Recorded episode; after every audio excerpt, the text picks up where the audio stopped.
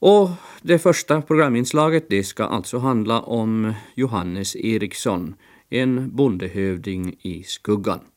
Det är Pernilla Kammert som ska ge oss en bild av en av våra mera okända Ålandskämpar från åren 1917 till 1921. Och berättarrösten vi hör i programmet tillhör Karl-Erik Sundberg.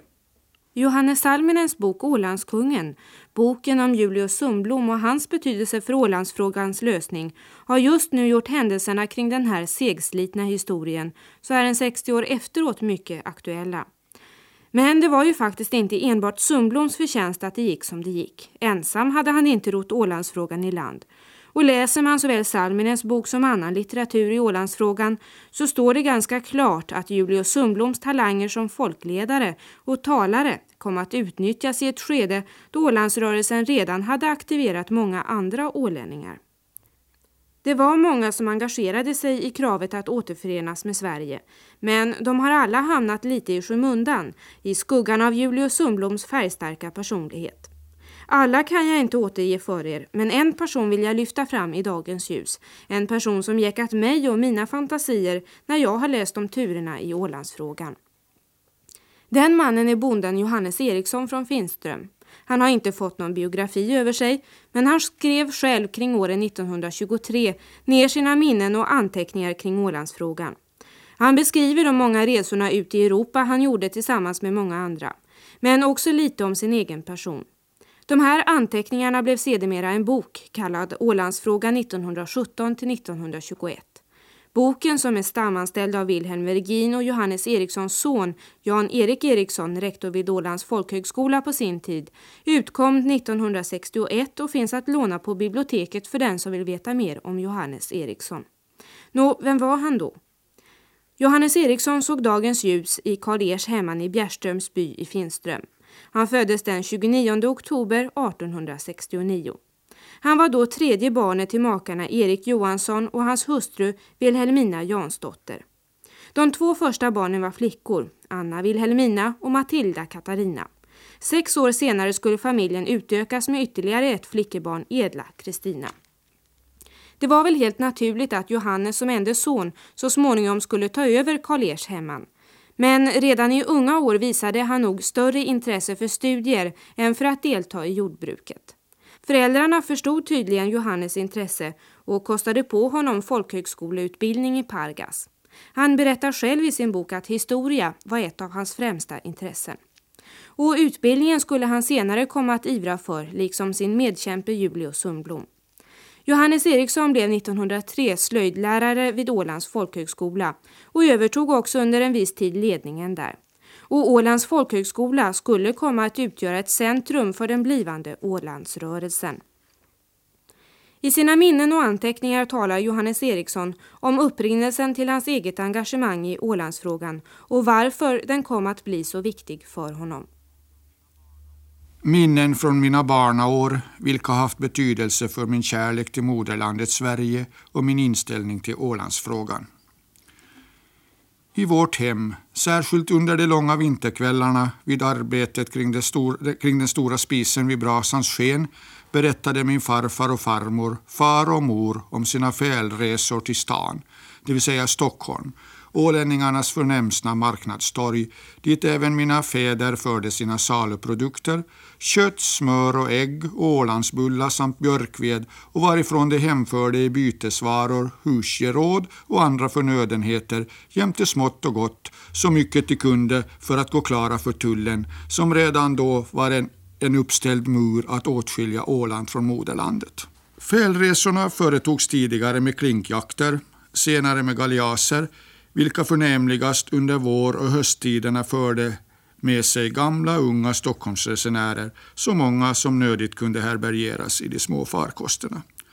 Det var landets sed att ungdomen, pojkar och flickor, med undantag för sjömän, fick göra sin Stockholmsresa då de sluppit fram.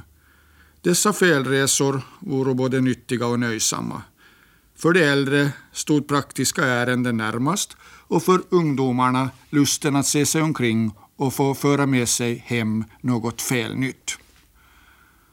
Undra på att de isolerade öbor med reslusten och vikingalynnet i blodet och dessutom i avsaknad av en stad på Åland sökte sig till den gamla kära huvudstaden Stockholm. Även djupare orsaker närde sig då som nu i ålänningarnas sinnen. Den sorgliga skilsmässan från Sverige 1809 sedan Rysslands tsar hade tillskansat sig herraväldet över Ålandsöarna skar djupa sår i folksjälen, vilket dock bevisas av senare tiders händelser. Det åländska folket kände och känner ett stort behov att komma i närmare beröring med sin svenska stam och möjligen bliva inympad i stamträdet varifrån även Åland som en liten gren då avhögs. Ryssarna ja. Första världskriget innebar trots demilitariseringsavtalet från 1856 att ryssarna kom till Åland för att uppföra befästningar. De uppförde stora militärkaserner, befästningsverk runt kusten, flygfält, telefon- och telegraflinjer utlades och i de inre delarna av västra och mellersta Åland anlades löpgravar. Och för det här arbetet blev bönderna turvis tvångsrekryterade. Det här gillade inte Johannes Eriksson. Irritationen över ryssarnas befästningsarbeten var Eriksson dock inte ensam om. Han samlade några vänner som liksom han tyckte att man borde tala om för Sverige vad som försiggick på Åland. Och det var ett farligt uppdrag. Till utförandet av dessa ödesdigra arbeten blev åländska bönder turvis tvångsrekvirerade. Närmast gällde det hästkörslor. Det var icke glada budskap då order kom. Imorgon ska ni ut på rysskörslor. Jag för min del sände alltid en lejd kar, men en gång bestämde jag mig för att personligen utföra ett ryssdagsverke i akt och mening att få erfarenhet av jobbet och påtagligen se och finna den verkliga meningen med de stora anläggningar som man arbetade på. Jag måste erkänna att jag aldrig förr eller senare haft en så lång dag och utfört så tråkiga dagsverken. De ryska vakterna skrek och gestikulerade och talade e-, eh, på ett, för oss främmande språk. Men svårast beklämdes mitt svenska hjärta då jag tydligen kunde utläsa att strategin syftade mot vårt moderland Sverige. Jag jämte några förtrogna vänner resonerade en gång om hur och vad man kunde göra för att på något sätt upplysa det officiella Sverige om ryssarnas förehavanden på Åland. Vi grep på oss verket an. På Ålands karta och lämpliga byägokartor antecknades de platser som var befästa och sedan vidtog, fastän med stora risker under svåra förhållanden, åtgärder om att få dessa kartor över till Sverige. Studenten Nandor Johansson Stenlid lyckades klara uppdraget och efter förljudande skulle kartorna ha hamnat hos svenska generalstaben. Jag minns särskilt svårigheter med att få sagda kartor forslade så att våra förehavanden icke skulle väcka ryssarnas uppmärksamhet.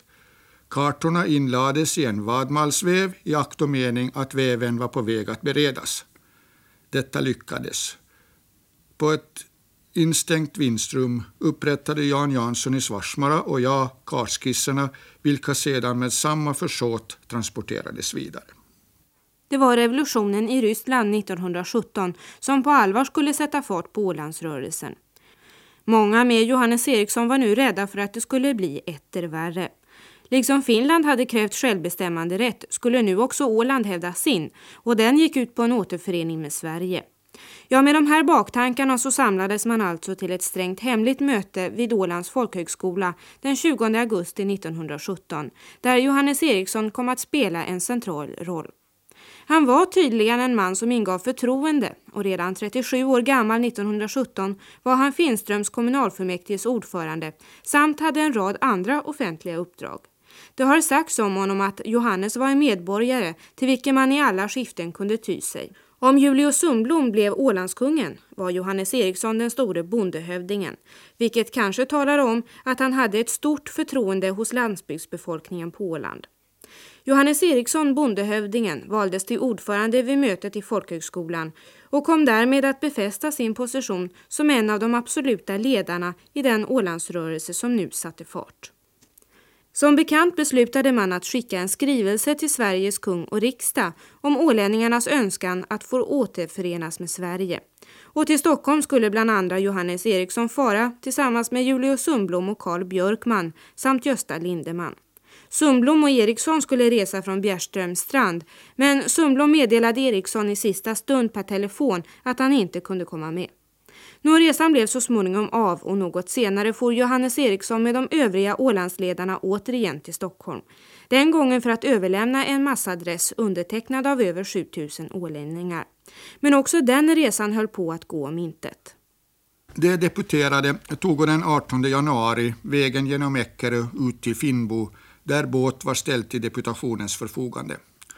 Komna till Finnbo konstaterades att det låg is ut till havs så långt man kunde se, varför det var omöjligt att företaga färden. Deputationen, som denna gång utgjordes endast av undertecknad och Jan Jansson, återvände samma kväll till Eckerö Storby, men komna dit erfor vi att där rådde stor oro och förskräckelse. Ty ryssarna hade slagit larm och börjat visitera och söka efter oss på vägar och i hus. De hade väl av något obestämt tal där i bygden fått höra i vad ärende deputationen var ute. Då gällde det att finna goda råd och vara beslutsam. Jan Jansson och undertecknad beslöt att resa hem till Finström. Det gällde framför allt att till vad pris som helst rädda folkadressen så att ryssarna icke kunde komma över den. Vi lyckades omsider få en ung husbonde att skjutsa oss. För att icke göra skjutsen misstänklig för ryssarna förklädde jag mig till kvinna och så satte sig man och kvinna med den värdefulla adressen bak i släden. Avsikten med detta tilltag var att ryssarna skulle få den uppfattningen att det var ett familjepar som varit på julkalas under kvällen. Försåtet lyckades och vi fingo passera oantastade genom patrullerna. Komna till vårt hem på natten märkte vi att det också här var oroligt då ryktet berättat att ryssarna gripit oss på Eckerö. Vi lade oss att vila och även skjutsbonden övernattade hos oss. Ja, via Åbo tåg till Tornio där man så småningom fick gå över gränsen till Haparanda kom man den 26 januari till Stockholm. Medan deputationen var i den svenska huvudstaden utbröt stridigheter på Åland och de tre övriga medlemmarna for tillbaka till landskapet. Johannes Eriksson själv blev kvar i den svenska huvudstaden och fick bland annat träffa drottning Victoria vid en audiens från vilken han minns. Undertecknad, den enda av deputationen som var kvar i Stockholm, där jag i detta skede icke hade mer att uträtta, beslöt mig för att resa hem till Åland. Men innan jag tog nödiga mått och steg för återfärden ville jag framföra det deputerades tack till Hennes Majestät Drottningen för den gåva hon förärat varje medlem av deputationen, nämligen ett vyalbum över Stockholm. Jag företog färden till slottet och genom kammarherre Douglas anhöll jag om audiens hos drottningen. Denna beviljades omedelbart och jag blev i tillfälle att uttala deputationens vördsamma tack för gåvan. Drottningen var vänlig och samtalade med mig om Åland, där hon en gång varit med sin lustjakt. Ålands härliga natur hade berett henne trevnad, sa hon, och drottningen mindes väl Ålands väderkvarnar och hon sa att det i vissa avseenden finns likhet mellan hennes Öland och Åland. Måtte jag bliva landsmoder även på Åland, föll hennes ord och hon tillade, min man konungen är även intresserad för Åland. Jag berättade att jag ämnade resa hem och att jag var på väg till generalstaben för att anhålla om att få följa med militärexpeditionen. Drottningen sa att hon ville ombesörja min hemresa. Jag tackade och sa att det utom mig fanns fyra ålänningar i Stockholm som ville resa hem, vilka bett mig höra sig för om lägenhet. Drottningen ville veta deras namn. Jag uppgav dem vara studeranden Jan Sundberg, kapten Palm och dennes styrman Mattsson samt bondesonen Jansson. Drottningen kallade på kammarherre Douglas och bad honom uppteckna samtliga namn. Dagen därpå erhöll vi våra resebiljetter på ångfartyget Vineta som skulle anlöpa Eckerö Red. Ja, Johannes Eriksson blev verkligen en åländsk diplomat på resande fot i Ålandsfrågan. Han blev flera gånger skickad till Paris och till London för att underhandla med diplomater från både Frankrike och Storbritannien om Åland och så för att hålla sig ajour med vad som hände. Särskilt 1919 blev ett resande år för Johannes. Till Stockholm for han med Carl Björkman och sen gick kosan mot Paris och fredskonferensen med Julius Sundblom och bonden Jan Jansson. Några månader därefter var det så åter dags att packa resväskan för en ny Parisresa och i slutet av året 1919 var London målet för Johannes Eriksson och August Karlsson. Vid förhandlingarna var det Johannes som förde ålänningarnas talan, men hans bristande språkkunskaper låg honom i fatet. Johannes kunde bara svenska och var alltså beroende av tolk. Det här gjorde många gånger förhandlingarna både svåra och långdragna. Ålandsfrågan fick efter många turer sin lösning i Nationernas förbund 1921 och från den sista resan ner till rådsammanträdet till Genève i juni detta år berättar Johannes Eriksson följande episod. Han reste i sällskap med Sveriges statsminister Hjalmar Branting och Marx från Württemberg, presidenten i Svea hovrätt och Karl Karlsson från Stålsby. Den 4 juni 1921 lämnade undertecknad och Karl Karlsson Stockholm och företog i sällskap med Branting och Marx från Württemberg resan till Nationernas förbunds rådssammanträde i Genève, vilket började den 17 juni. Resan dit, ner genom det vackra och minnesrika Tyskland och det storslagna Schweiz, var angenäm.